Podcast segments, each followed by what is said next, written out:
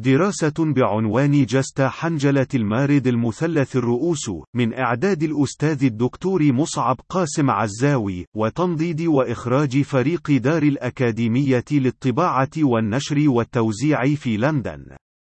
في تصريح لصحيفة وول ستريت جورنال، الناطق الرسمي باسم مصالح المؤسسات المالية الكبرى صاحبة الحل والعقد الاقتصادي والسياسي في الولايات المتحدة، صرح وزير الطاقة السعودي خالد الفالح، مستندا إلى وزنه المعنوي الاستثنائي كمسؤول تنفيذي أول عن إدارة المحرك شبه الأوحد للاقتصاد السعودي، بأمله باتخاذ الإدارة الأمريكية الأمريكية الجديدة والكونغرس المستجد قرارات تصحيحية تعدل من مفاعيل قانون جستا على المملكة العربية السعودية والعلاقات بينها وبين الولايات المتحدة.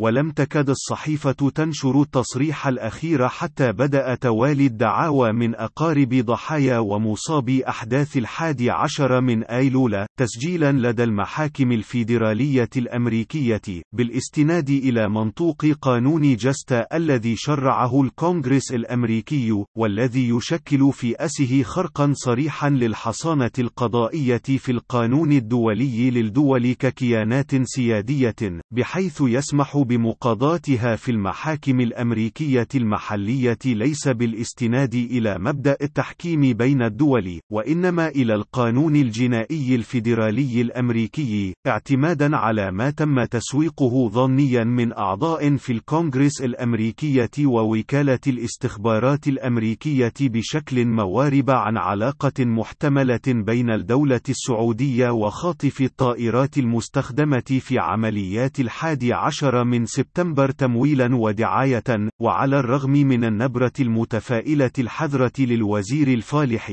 فإن مشروع إدارة ترامب الواضح يقوم بوضوح منقطع النظير في طرحه الفظ لمرتكزات سياسته الخارجية إبان حملته الانتخابية القائم على مبدأ احتقار الحلفاء بشكل صريح وغير موارب باستثناء أسرائيل بحسب توصيف الصحفي الطليعي جلين جرينوولد في صحيفة The Intercept وهو ما تجلى بشكل صريح في مطالبته للحلفاء في اليابان، كوريا الجنوبية، السعودية، ألمانيا وغيرها من دول حلف الناتو التي لديها أكداس هائلة من الأموال، بأن لا تتوقع حماية عسكرية مجانية من الولايات المتحدة، وهي يجب أن تدفع مقابل تلك الحماية، وهو ما انعكس بشكل عياني مشخص في ازدراء المستشارة الألمانية وتجاهل طلبها لمصافحته أمام الصحفيين في البيت الأبيض، ومطالبته لألمانيا بزيادة مساهماتها في ميزانية حلف الناتو بنسبة 2% من ناتجها القومي إن أرادت الاحتفاظ بمظلة الحماية الأمريكية من البعبع الروسي المتوثب للانقضاض.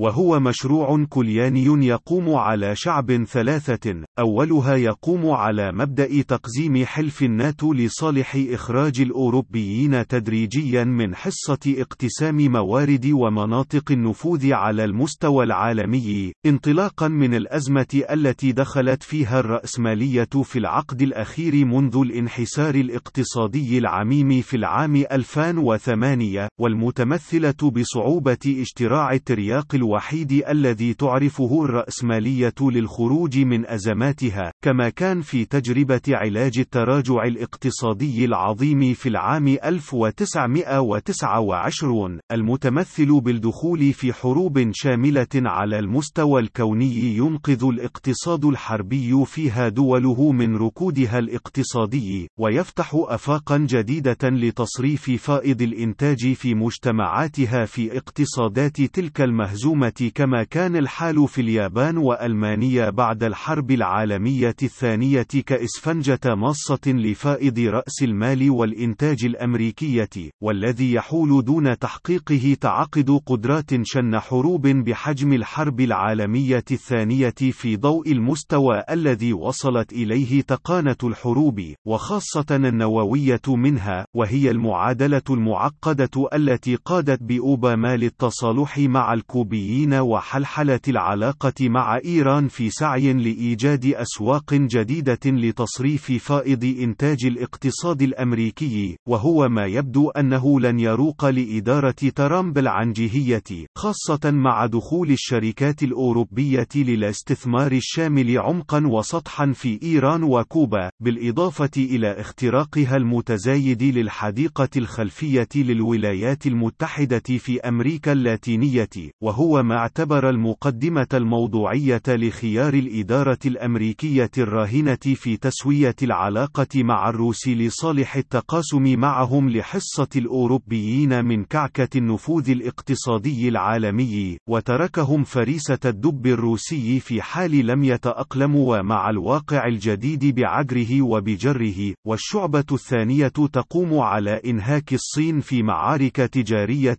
ترغمها على الرضوخ والتراجع إلى حجمها الحقيقي كدولة عالم ثالث، خوفا من خسارتها لسوق تصريف منتجاتها في الولايات المتحدة الأمريكية وهو ما لا تطيق تحمله في ضوء الكساد الاقتصادي الفعلي فيها، وهو الذي تم معالجته لحد الآن بجرعات مفرطة من الكورتيزون بضخ ما يقارب من تريليون دولار من احتياطياتها النقدية بالعملة الصعبة في الاقتصاد الصيني لتخفيف حدة آثار الكساد فيه، وعلى أمل من تحقيق انتعاش مستقبلي، وهو ما يبدو أنه سوف يبقى في إطار المأمول في ضوء التراجع الاقتصادي الكوني وفي الولايات المتحدة على طلب النتاج الصناعي الصيني، وأن أفضل الخيارات للصينيين هو البقاء في حالة التوازن القلق الحالية، أو في أحسن الأحوال رشوة إدارة ترامب لغض النظر عن معركته الصينية،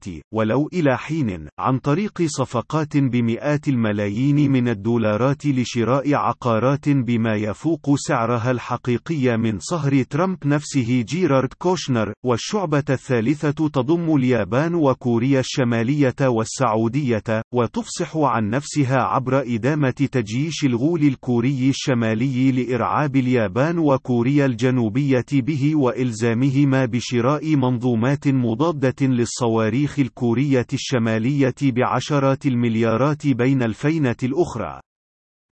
وفي الحالة السعودية إطالة أمد المستنقع اليمني، وتعميق انغماس المملكة في أوحاله المعقدة، والاستمرار في اتخاذ كل ما قد يؤدي لتعميق الكارثة الإنسانية في اليمن، وخاصة بتقديم معلومات استخباراتية ودعم لوجستي مضلل يقود بالطيارين السعوديين لقصف المدنيين اليمنيين بما ينعكس في زيادة أعداء المملكة يمنيا، وبما يستخدم في الإعلام الأمريكي لتشويه صورة المملكة، وإرغامها بالتالي على صرف الملايين من الدولارات بشكل سرمدي على شركات العلاقات العامة في الولايات المتحدة في محاولة لترقيع الصورة البائسة التي ساهمت كل الإدارات الأمريكية على اختلاقها في تأطير المملكة فيها. هذا عدا عن التزام المملكة بسداد فواتير العتاد العسكري الم المطلوب بشكل دائم الذي دونه سوف يبتلع المستنقع اليمني الماكينة العسكرية السعودية المنهكة أصلا، والتي كانت أوخرها بما يعادل 391 مليون دولار. هذا عدا عن إرغام الدول الثلاثة على الاحتفاظ بجل احتياطاتها النقدية في سندات الخزينة الأمريكية لتخفيف حدة العجز في الميزانية الأمريكية، وتمكين الولايات المتحدة من رفع سقف دينها الذي ما زالت تعتاش عليه خلال العقود الثلاثة الأخيرة، وعدم تمكينها من تحريكها تحت طائلة رفع الحماية الأمريكية عنها، وهو ما تجلى في عدم قدرة قدرة المملكة على بيع أصولها في سندات الخزينة الأمريكية كما هددت قبيل إقرار قانون جستا، وواقع الحال يشي بأنه لا خيار للسياسة السعودية إلا بالإيجال في رشوة الإدارة الأمريكية بعقود شراء جديدة لكل ما يمكن شراؤه أمريكيا عسكريا كان أو غيره على أمل تدخلها في إلغاء ذلك القانون، وهو ما يصب في تحقيق أهداف إدارة ترامب في استنزاف ما تبقى من مدخرات لدى المملكة أسوة بما ظلت تفعله باليابان وكوريا الجنوبية منذ نهاية الحرب العالمية الثانية، مع اختلاف الحالة بين الدول الثلاثة، بأن المملكة دولة ريعية ليس لها موارد سوى نفطها الملزمة بزيادة إنتاجه لتخفيض قيمته السوقية، والذي دون إغراق المملكة للسوق العالمية به، لكان الاقتصاد الأمريكي إنهار فعليا منذ العام 2008 بحسب العالم الاقتصادي جوزيف ستيغليتس الحائز على جائزة نوبل في الاقتصاد في كتابه الأخير الشرخ العظيم بينما اليابان وكوريا الجنوبية دولتان منتجتان لكل ما تستهلكانه وتستطيعان المطاوعة أكثر في تحمل الاستنزاف الأمريكي لهما وإن طال أمده يقوم المنهج الفكري لإدارة ترامب على تمزيق الحقائق في طوفان من الأكاذيب المختلقة لتأسيس وعي جمعي مشوش وتوطيد فقدان الذاكرة التاريخية كونيا وإن البقية الباقية من تلك الأخيرة تذكرنا بأن الأعراب الذين أدمنوا وتمثل صورة المغلوب على أمره هم أنفسهم الذين استنبطوا فيكرة سلاح النفط في حرب أكتوبر والذي قاد بعيد استخدامه إلى تراجع اقتصادي شامل في الغرب في سبعينيات القرن المنصرم. وهم نفسهم الذين أشاروا في أدبيات تأسيس جامعة الدول العربية في العام 1945 إلى أن سبيل تحقيق التنمية عربيا هو في التكامل الاقتصادي العربي عبر اتفاقية تسهيل التبادل التجاري بين الدول العربية والتعرفة الجمركية الموحدة وحتى قبل طرح مشروع السوق الأوروبية المشتركة وما أفضت إليه من اتحاد بين بين قوميات أوروبية بينها ما صنع الحداد ولا يجمع بينها فعليا سوى البشرة البيضاء والعيون الملونة. فأما أن للعرب بأن يعودوا إلى قطار التاريخ الذي فاتهم، ويصحوا من غيبوبة ذاكرتهم التاريخية، ويحتكموا إلى مقول حكيم حكماء العرب أكثم بن صيفي، ما حك جلدك مثل ظفرك؟ لندن في السابع والعشرين من ربيع الأول 2017